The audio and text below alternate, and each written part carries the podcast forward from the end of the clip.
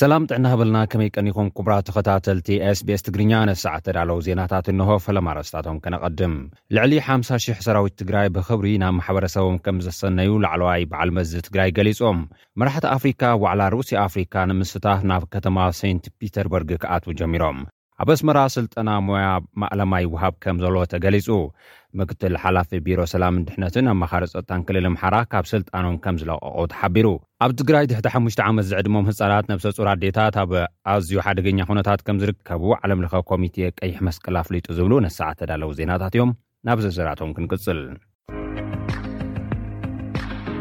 ልዕሊ ሓምሳ ሽሕ ሰራዊት ትግራይ ብኽብሪ ናብ ማሕበረ ሰቡ ከም ዝተሰነየ ላዕለዋይ በዓል መዚ ትግራይ ገሊጾም። ብመሰረት ውዕል ሰላም ፕሪቶርያ ልዕሊ ሓምሳ ሽሕ ሰራዊት ትግራይ ብኽብሪ መሰነይታ ከም ዝተገብረሉ ምክትል ፕረዚደንትን ግዜያዊ ምሕዳር ትግራይ ሓላፊ ካቢኔ ሴክሪታርያት ሰላም ጸጥታን ተጋዳላይ ታደሰ ወረደ ንጋዜጠኛታት ኣብ ዝሃብዎ መብርሂ ገሊጾም ኣለዉ። እቶም ዝተነከዩ ሰራዊት ዓሰርተ ትሽዓተ ሓምለ ክልተ ሽሕን ዓሰርተ ሓሙሽተን ዓመተ ምህረት ግእዝ ኣብ ትሕቲ ግዝያዊ ምምሕዳር ትግራይ ዘለዋ ኣብ ኩለን ወረዳታት ድሙቕ ኣቀባብላ ይግበረሎም ከም ዘሎ ዝገለጹ ተጋዳላይ ታደሰ ወረደ እዚ ህዝብን መንግስትን ትግራይ ዘለቐነት ሰላም ንክህሉ ካብ ዘለዎም ተበግሶ መርኣያ ምዃኑ ገሊጾም ኣለዉ።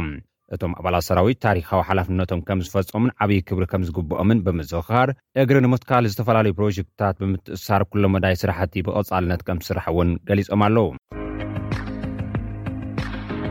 መራሕቲ ኣፍሪካ ኣብ ዋዕላ ሩስያ ኣፍሪካ ንምስታፍ ናብ ከተማ ሴንት ፒተርበርግ ከም ዝኣተዉ ተገሊጹ። ብመሰረት ጸብጻብ ኣሶሴትድ ፕረስ ውሕስነት መግብን መጻኢ ዕድል ወተሃደራዊ ጉጅለ ዋግነርን ካብ ቀንዲ ኣጀንዳት ዋዕላ ክኸውን እዩ ተባሂሉ ኣሎ። ፕረዚደንት ቭላድሚር ፑቲን ንኣፍሪካ ዝኣተውዎ መፅባዕ ክትግበር ፀቕጢ ዝረኣየሉ ዘሎ እዋን ነቲ ኣኸባ ኣፍሪካውያን መሻርኽቲ ንምውሳኽ እውን ከም ዝጥቀምሉ ተገሊፁ ኣሎ። ኣብቲ ካብ ሎማዓንቲ ጀሚሩ ዝቕፅል ንክልተ መዓልትታት ዝካየድ ዋዕላ ኣርባዓን ትሽዓተን ሃገራት ኣፍሪካ ከም ዝሳተፋ ዝተገልፀ ኮይኑ ካብ መንጎ እቶም ኣብቲ ዋዕላ ክሳተፉ ተበጊሶም ዘለዉ መራሕቲ ኣፍሪካ ናይ ኤርትራ ፕረዚደንት ኢሳያስ ኣፈወርቅን ናይ ኢትዮጵያ ቀዳማይ ሚኒስትር ኣብዪ ኣሕመድን ዝርከብዎም ምዃኖም ተገሊጹ ኣሎ። ኣብ ሞስኮ ጋዜጣዊ መግለጺ ዝሃቡ ፕረዚደንታዊ ኣማኻሪ ሩስያ ዩሪ ዩሳሻኮቭ ካብ መንጎ ሓምሳን ኣርባዕተን ሃገራት ኣፍሪካ እተን ኣርባዓን ትሽዓተን ዝሳተፋ ከለዋ ዓሰርተ ሸውዓተ ብደረጃ መራሕተን ከም ዝሳተፋ ገሊጾም ኣለዉ። ኣብ ኣስመራ ስልጠና ሞያ ማእለማ ይወሃብ ከም ዘሎ ተገሊጹ።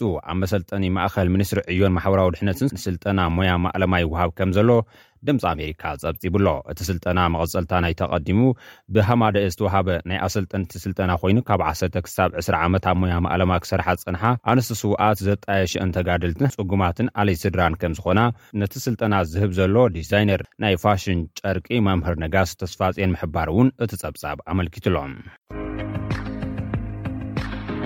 ምክትል ሓላፊ ቢሮ ሰላምን ድሕነትን ኣማኻሪ ጸጥታን ክልል ኣምሓራ ካብ ስልጣኖም ከም ዝተኣልዩ ተገሊጹ። ፕረዚደንት መንግስቲ ክልል ኣምሓራ ዶክተር ይልቃል ከፋለ ኣማኻሪ ጸጥትኦምን ምክትል ሓላፊ ቤት ጽሕፈት ሰላምን ድሕነትን ናይቲ ክልል ካብ ስልጣኖም ከም ዘውረዱ ተገሊጹ'ሎ። ዶክተር ይልቃል ንኣማኻሪ ጸጥትኦም ስርሖምን ሓላፍነቶምን ብግቡእ ስለ ዘይፈጸሙ ብምባል ካብ ሓላፍነቶም ከም ዝሰጎጉዎም ኢትዮጵያን ኢንሳይደር ዝተበሃለ ኢትዮጵያዊ ማዕከን ዜና ጸብጺቡ'ሎ። ኣብ ቢሮ ሰላምን ድሕነትን ክልል ኣምሓራ ሓላፊ ኣማኻሪ ጉዳያት ጸጥታትን ምምሕዳር ኣቶ ክፋለ እሱባለውን ምክትል ሓላፊ እቲ ቢሮ ኮማንደር መንገሻ ኣውራሪስን ነቲ ውሳነ መብርሂ ዝህብ ደብዳበ ከም ዝበጽሖም ንኢትዮጵያን ኢንሳይደር ኣረጋጊጾም ኣለዉ።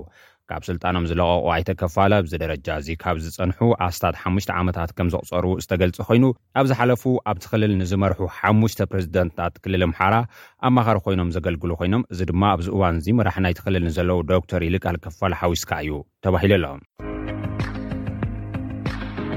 ኣብ ትግራይ ትሕቲ ሓሙሽተ ዓመት ዝዕድሞም ህጻናት ነብሰ-ጹር ኣዴታት ኣብ ኣዝዩ ሓደገኛ ኩነታት ከም ዝርከቡ ዓለም ለኸ ኮሚቴ ቀይሕ መስቀል ኣፍሊጡ። ዓለም ለኸ ኮሚቴ ቀይሕ መስቀል ኣብ ክልል ትግራይ ካብ ወርሒ ጥሪ ክሳብ ሰነ ክልተ ሽሕን ዓሰርተ ሓሙሽተን ዓመተ ምህረት ዝካየዱ ዳህሳስ መበገሲ ገይሩ ኣብ ዘሐትሞ ቡለቲን ኣብ ትግራይ ብሕፅረት ምግቢ ዝጥቅዑ ትሕቲ ሓሙሽተ ዓመት ህፃናት፣ ነብሰፁርን ኣዴታትን ህይወቶም ኣብ ዝለዓለ ሓደጋ ምውዳቑ ከምዘረጋገፀ ኣፍሊጡ'ሎ። እቲ ትካል ከምዝገለፆ ውሱን ሓገዝ ንምሃብ እንተተፈተነ እውን እቲ ሽግር ስፍሓት ስለዘለዎ ዝተጠናኸረን ቅልጡፍን ደገፍ ክግበር ከምዝግባእ ፀዊዑ'ሎ። ኣብ ትግራይ ህፁፅ ሰብኣዊ ሓገዝ ጠጠው ካብ ዝብል ኣዋርሕ ዘቑፀረ ኮይኑ ዛጊድ ብዙሓት ወገናት ብጥምየት ህይወቶም ይስእኑ ከምዘለዉ እውን እቲ ሓበሬታ ኣመልኪቱ። ብፍላይ እቲ ሞት ዘጋጥም ዘሎ ኣብ ትሕቲ ሓሙሽተ ዓመት ዝዕድመኦም ህጻናት፣ ዓቕሚ ኣልቦ ኣረጋውያን፣ ነብሰ ጹር ኣዴታትን ምዃኑ ኮሚሽን መጠንቀቕታን ሓደጋን ድልውነትን ትግራይ ኣፍሊጡ ኣሎ።